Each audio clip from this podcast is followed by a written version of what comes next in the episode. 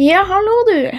I dag starter vi denne episoden med fokus på folkehelsa i Norge fra 1814 til 1914.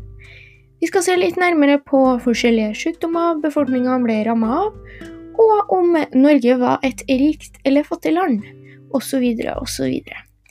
Senere i denne episoden skal jeg intervjue faren min, Morten, med fokus på hans oppvekst og litt videre utover denne episoden skal vi snakke litt om folkehelsa fra 1914 til 2014.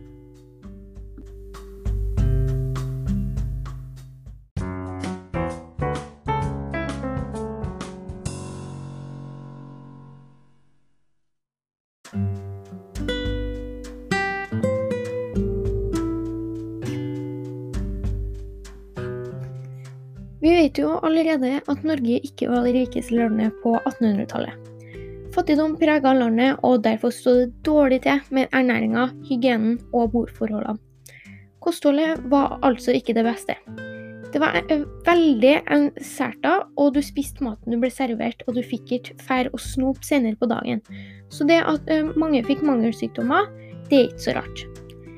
Smittsomme sykdommer som kolera, tyfus og lepra og etter hvert tuberkulose dominerte sykdomsbildet. På den tida så hadde vi ikke så mye tilgang til medisiner, og antibiotika fantes ikke. Så når noen ble syk, var eneste løsninga å bli sendt hjem og bli frisk på egen hånd. For det fantes som regel ikke en kur på den tida. Opptil 10% av spedbarn døde av dødelige barnesykdommer. Det var i 1810 det kom vaksine mot barnekopper, men den ble ikke eh, ordentlig håndheva før det kom påbud om å vise fram vaksinasjonsattest ved konfirmasjon, bryllup eller du skulle inn på sesjon. Lepra, eller spedalskhet, som var en sykdom som hovedsakelig angrep hud eller nerver, var, som jeg nevnte tidligere, veldig utbredt. Den ga fortykkelse i huden, og andre typiske symptomer var ømhet, kløe eller brennende følelse i huden. Det var faktisk en nordmann som het Gerhard Armauer Hansen, som oppdaga leprabasillen.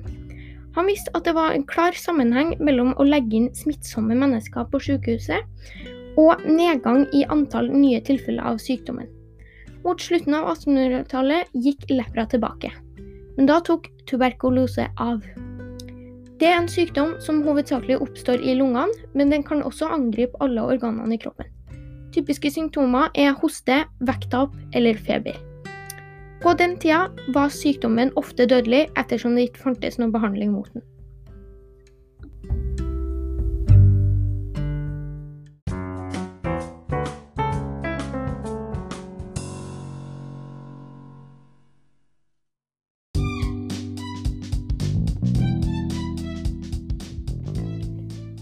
Da skal jeg intervjue faren min, Morten, om hans oppvekst.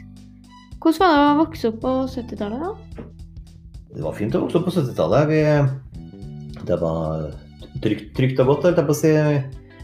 Vi var nå Ja, det var sånn som jeg husker det, fall var veldig få som hadde skilte foreldre, f.eks. Nei, og vi leka nå. Vi, ja, vi leka mye ut.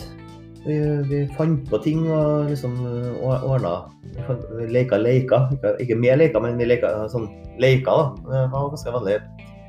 Og så hadde vi, hadde vi mye sånn leker kanskje sånn der vi måtte tenke. Det stimulerte liksom til tenking og sånt. Og vi ble liksom ikke så mye underholdt, da. Verken av TV eller foreldre. Vi hadde, vi hadde ikke så mye Vi hadde ikke tre tegneseriekanaler på TV-en. Liksom. Vi, vi så barne-TV-en på NRK klokka seks.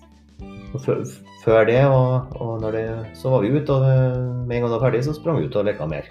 Mm. Og det var ikke så mye sånn teknologi og sånt som vi, som vi ungene benytta oss av. Og, og, det var jo ikke alle, alle familiene som hadde telefon heller. Og nå har jo liksom alle ungene mobiltelefon. Så, men den gangen så var det, var det sånn at skulle du, skulle du ha tak i en kompis, så måtte du, måtte du sette deg på sykkelen eller gå til ham og ringe på døra og spørre om han ble med ut eller noe. Så var det liksom ikke bare å sende på en melding og, og, og lure på om noen skulle finne på noe. Det, det var kanskje en så stor forskjell fra, fra den gangen. da. Ja. Er det stor forskjell på hvordan folk bor nå i forhold til da? Nei, altså det, det er noe mye av de samme husene som står, står ja, men, eh, men jeg har eh, mener jeg husker liksom det var ganske vanlig den gangen at, at ungene eh, At søsken delte rom, da. Så det var Kanskje folk har mer plass i dag. At uh, man er raskere med å, å flytte hvis, man, uh, hvis familien vokser. Så uh, ellers så Ja, vi var nå Folk bodde nå på hverandre, og vi var nå vi var nå sammen. og liksom, Både store og små unger. Vi leka i nabolaget. og og på skolen. og Vi kom liksom bort dit, da, eller på, på, på, på fotballbanen der i nærheten. Så vi, vi hadde liksom ikke så stor aksjonsradius eh, den gangen, da. Var dere mer i nærmiljøet, mener du? På hvilken måte da?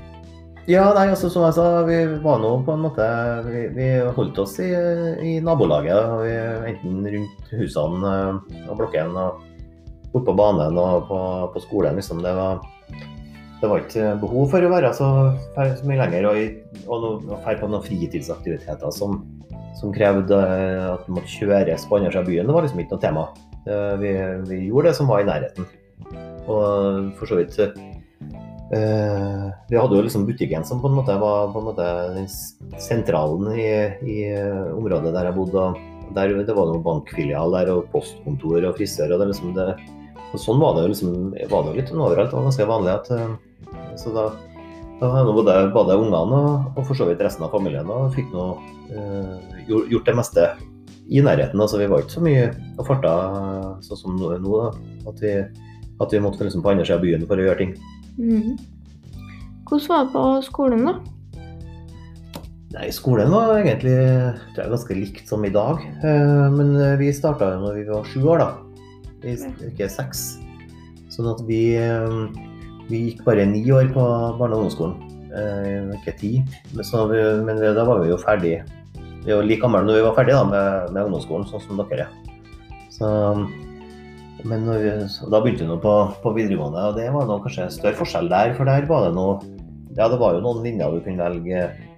Eh, noe elektro, noe tømrer og maskin og mekk, som det het. Men ellers så var det enten handel og kontor, da, sånn som jeg eller, eller eh, aller mest vanlig at du gikk uh, allmennfag.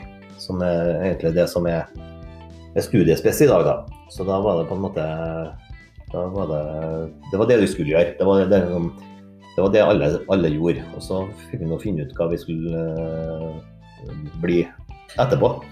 Mm. Så dere bestemte dere ikke så tidlig da, for hva dere skulle bli, altså? Nei, det var liksom ikke uh, ja, det var jo selvfølgelig kanskje noen som, som, som, gjorde det, og som hadde bestemt seg hva de skulle bli. Ja. Men uh, det var liksom ikke uh, Jeg skal ikke lagt opp, men det, det virka som at det, det, var, det vanligste var å gå videregående, og, eller gå allmennfag, og, og, så finne ut av det etterpå. Jeg tenker på Sånn som nå, da, så er det jo så, så, spe, sånne spesifikke linjer. og så jeg, jeg, jeg misunner ikke de 15-åringene i dag som skal skal bestemme seg allerede så ung da, for hva de skal bli når de blir voksen. Når, eh, jeg syns det er veldig tidlig. Og det virker sånn at de linjene er så, så smale at hvis du har valgt noe og finner ut at det ikke passer deg, så, så må du begynne på nytt igjen. og Begynne, begynne på førsteåret igjen. Eh, mm. For å kunne, for, for å kunne liksom bli det, det, du vil. Da. Og det, som sagt, Jeg tror ikke at alle sammen vet hva de vil. Jeg visste ikke hva jeg ville bli når jeg var 15 år. Så det fant jeg ut etter hvert. Mm. Det var interessant, det. Men eh, var dere mye syk, da? Har du noe formening om hvordan det var det sto til med folkehelsa på 70-tallet? Ja, vi, det var noe Stort sett det var noe, det har, ikke noe sånn, det har ikke vært noen sånn eh, revolusjon på tror ikke jeg på akkurat det der, men vi hadde noe vanlig var noe forkjøla og hadde, ja, Vi hadde kanskje mer farang, eh, eller omgangssyke, som det tror jeg fleste her kaller det. Uh, enn dere har jo ikke hatt noe sånt. Uh, og, og, så var det de vanlige barnesykdommene, og de, ja, de var jo kanskje vanligere. De var jo vanligere den gangen. Uh, for vi, det kom en sånn bølge hver vinter da, med, der, det liksom, du fikk kusma, og så var det, var det vannkoppene etterpå. Så var det noen som hadde røde hunder, og så, og så var det noe Neste vinter var det et annet kull som fikk det, eller sånn. Så det var, jeg tror alle, alle sammen som jeg vokste opp som jeg har jo hatt alle disse barnesykdommene, men eh, du og Victoria har jo nesten ikke hatt noen av dem. Så jeg tror det, det, det er kanskje den største forskjellen, da, men eh, så det har, har liksom dødd ut. Men det virker kanskje som at det er på, at det, at det er på endring på det nå igjen. Da, ja. Og hvordan da? mener du?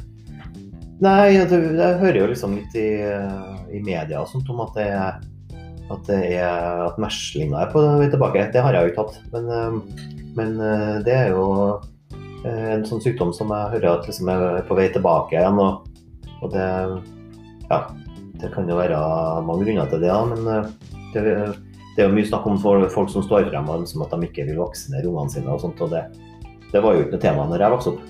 Nei. Det, da, liksom, da ble man maks vaksinert. Ferdig med det, liksom. Men nå er det jo en del liksom, foreldre som ikke vil det. Og så er det jo kanskje blitt eh, Kommer det kanskje mye eh, innvandrere òg, skal si at det er et stort problem i seg sjøl, men hørtes nesten sånn ut. Men, men det, de er jo ikke vaksinert. Og at det kanskje, de, om de ikke kommer med smitten direkte, men det, det blir jo lettere at sykdommen får, eller sykdommene får, får fotfeste i, i befolkninga igjen, når en større andel av eh, ungene ikke er vaksinert. Da.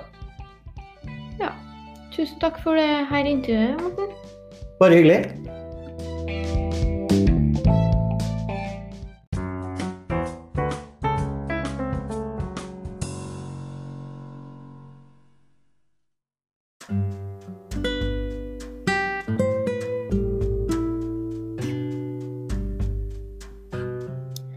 Det er først på 1900-tallet at det blir bedre økonomi og bedre hygiene, og vi får tilgang til vaksiner og antibiotika.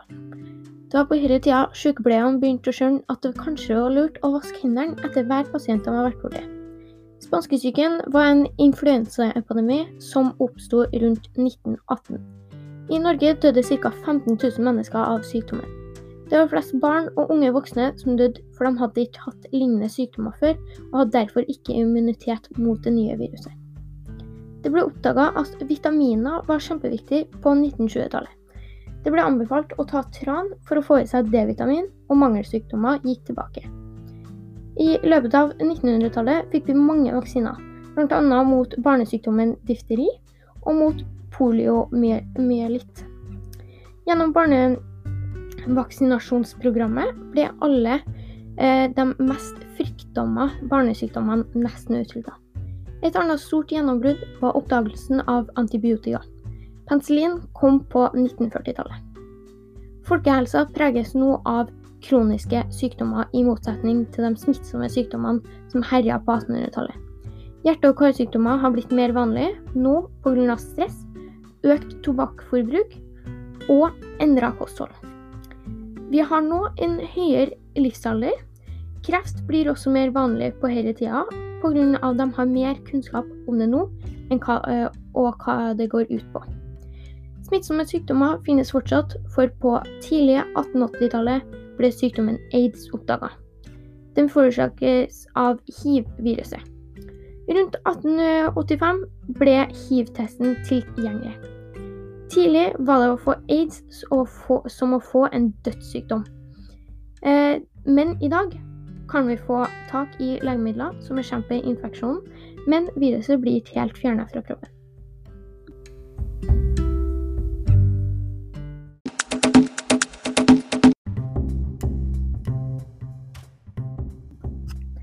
I denne episoden har jeg prøvd å vært innom litt folkehelsa fra 1814 til 2014. Jeg har snakka litt om spanskesyken og typiske sykdommer osv. osv. Og og jeg må si jeg ble litt overraska over hvor mye lettere det virka å leve på 1970-tallet. Som det at det var ikke mye nettmobbing på den tida, pga. de fleste familiene hadde ikke mobil. Og det virka mye lettere med skolegang og sånn der. For nå, når du velger deg en linje, og hvis du finner ut etter et halvår at det er kanskje ikke den linja som passer for deg, og du vil starte på nytt, så må du starte på nytt med kullet under deg. Du kan ikke bare bytte linje, sånn som du kunne på den tida der. Så jeg setter veldig stor pris på at du har fulgt med i denne episoden.